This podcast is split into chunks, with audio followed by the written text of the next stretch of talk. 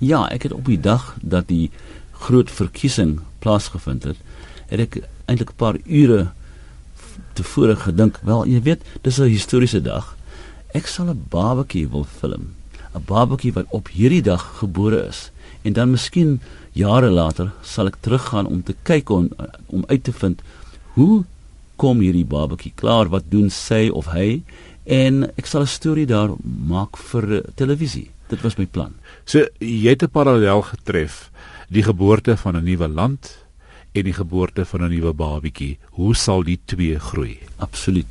Ek het dit uh, genoem Birth of a Nation, geboorte van 'n nasie. En ek het hierdie film wat ek gefilm het sommer uh, in my argiewe gesit en ek het heeltemal daarvan vergeet. Vat ons deur die verhaal.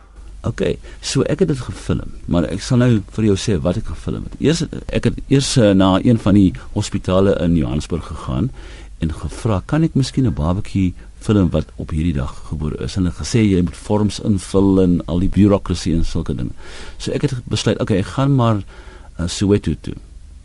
En ek het na Baragwanath gegaan, die grootste hospitaal uh, in Soweto. En hulle het gesê ja, ons uh, kan jou help, maar nie hier nie. Gaan na 'n kliniek wat nie te ver van ons is. Uh, en en vra vir hulle. En ek het gevra. Hulle het gesê oké, okay, ons vra vir een van die maas. Uh, is dit oké? Okay? So ek het vir haar gevra. Daar was 'n uh, moeder daar en gesê, "Mag ek jou film dis vir 'n historiese film wat ek maak?" en so voort. Sy sê, "Oké." Okay. Binne 'n paar sekondes het hulle gesê, "Waar is jou kamera? Vinnig maak." Want sy het nou uh, 'n barbecue gehad en ek het die hele proses gefilm. bietjie bloedig. En uh, daarna die pragtige barbecue gekyk wat lekker skoon gemaak is. En uh, ek het vir die ma gevra nou wat wil jy hê dat hierdie barbecue moet wees? Sy het gesê, "O, ek hoop sy's 'n dokter een van die dae." En ek toe die die die pa ingekom. Hy was 'n polisieman hy was baie baie gelukkig. Hy wou 'n 'n 'n barbecue hê wat uh, vroulik is. Uh, en uh, ek het met hom gepraat en en toe ook die vroedvrou en hulle het die barbecue saam huis toe gevat. Ek het saam met hulle gegaan en die volgende oggend het hulle gestem. En ek het saam met hulle ge, ge, geloop en eintlik ook gestem. Die, die storie het nou daar gebly, het die materiaal bymekaar gemaak en gebeere. Ja, en ek het heeltemal daarvan vergeet en net 'n paar weke gelede het ek al my ou tapes, my ou bande uh, gaan kyk. Ek het nou 4, 5 keer die president, president Mandela uh, met hom uh, rondgeloop en onderhoude gedoen en sovoorts. Een na die wêreldbeker wat Suid-Afrika gewen het in 95 en ook in 99 voor die cricketspan na die wêreldbeker gegaan het. En ek het ek was saam met hom uh, op die campaign trail, die veldtog in 94 gegaan na die Vrystaat en uh, en ek het ook 'n paar dae nadat hy uh, uit die tronk gelaat is, het ek met hom gepraat oor net een vak, boks. Niks oor die politiek nie.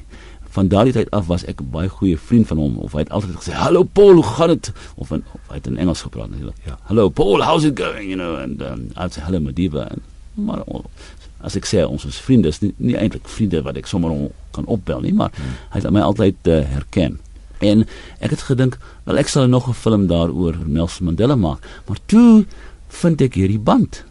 Dit was 'n bietjie oud maar ek het hom skoon gemaak en ek het gesien hel dis 'n eintlik baie interessante storie om terug te gaan en gaan kyk nou wat het gebeur met hierdie babatjie en sy ma en en haar ma en haar pa en miskien die voetvrou ook, maar hoe kan ek hulle vind? Dis die probleem. Hoe, hoe was jou ondervinding in die kere wat jy hom ontmoet het met hom gesels het? Wat het deur jou gegaan? Wel, wat 'n voorreg om 'n man van daardie kaliber te ontmoet en ek was vreeslik vreeslik beïndruk dat hy elke keer dat ek sê maar 'n film met hom gemaak het, sou hy my hand my my hand skud maar ook die kameraman en die assistent en al die manne en met almal gepraat.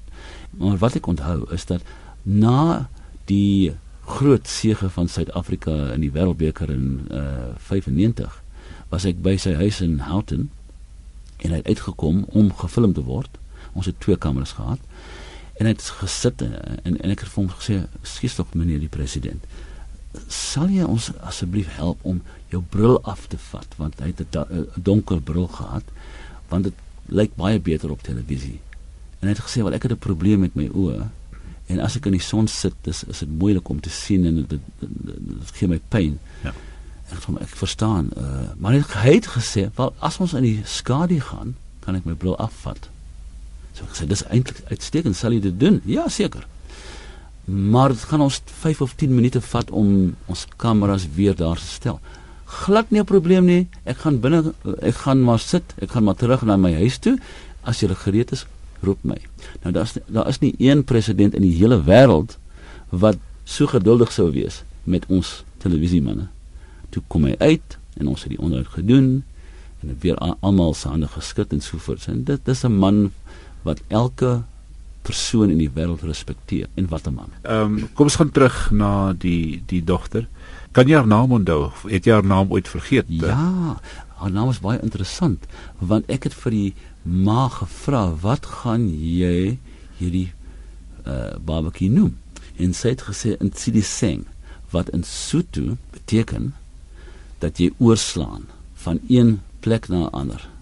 En dit was presies omdat daardie verkiesing daardie dag sou plaasvind en dit was 'n oorslaan van die ou stelsel na die nuwe stelsel toe het jy nou weer die behoefte om te kyk. Jy het gesien wat in Suid-Afrika gebeur het die afgelope 19 jaar om te gaan kyk wat dit met Nsidiseng gebeur. Ja, wel die probleem was hoe kan ek haar vind? In die eerste plek, so ek het na die hospitaal gegaan, was nie records ek kon hulle nie onmiddellik kry nie. In elk geval, ek het nie die naam geken nie, die die van geken nie. Maar ek sou op die datum miskien kon kyk, miskien sal ek daai naam vind ek weet nie. Maar toe besluit ek wel, hy was 'n polisieman gewees. Miskien is hy nog 'n polisieman die pa. So ek het na die polisiestasie gegaan uh wat ek onthou het en ek het na daai stasie gegaan en, en vir hulle 'n print gewys van my film en ek het gesê uh, herken enig iemand hierdie man? Sy eerste naam was Colin maar ek weet nie wat sy van was nie. Toe bel iemand vir as, iemand anders en hy ry in met sy bakkie en hy stap uit en ek sê vir hom uh, ekskuus tog het jy 'n dogtertjie wat 19 jaar oud is? Ja ek het. Was sy op die 26ste april 1994 gebore? Ja hoe weet jy? Is dit jou vrou hy was in sy noppies. Hy was so gelukkig. Hy het onthou dat daar was daar was iemand wat hulle gefilm het maar ons het kontak verloor heeltemal.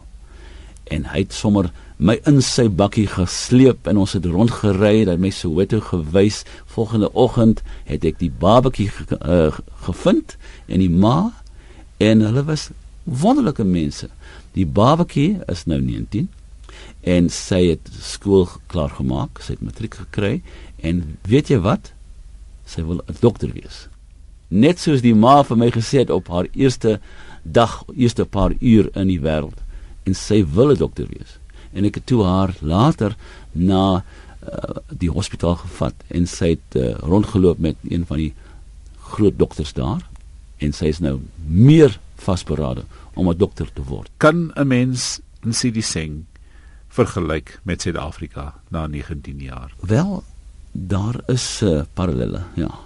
Ek dink so. Uh kyk ek ek skryf nie 'n essay nie. Ek ja. wil net sommer op die televisie en op die radio wys dat daar's 'n familie wat 19 jaar gelede vergroot is met hierdie pragtige babatjie en ek wil nou uitvind hoe is die lewe vir almal in daai familie. Dis wat ek wil doen.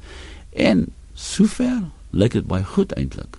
Nou, ek weet is een familie en daar is miljoene families en hulle elkeen 'n ander storie, maar vir hulle vir hierdie familie loop dinge goed. Ja. En sy is 'n pragtige meisie. 'n Ongelooflike mooi meisie. Sy is sy is ek ek het gedink sy was 'n pragtige babatjie ook, jy weet.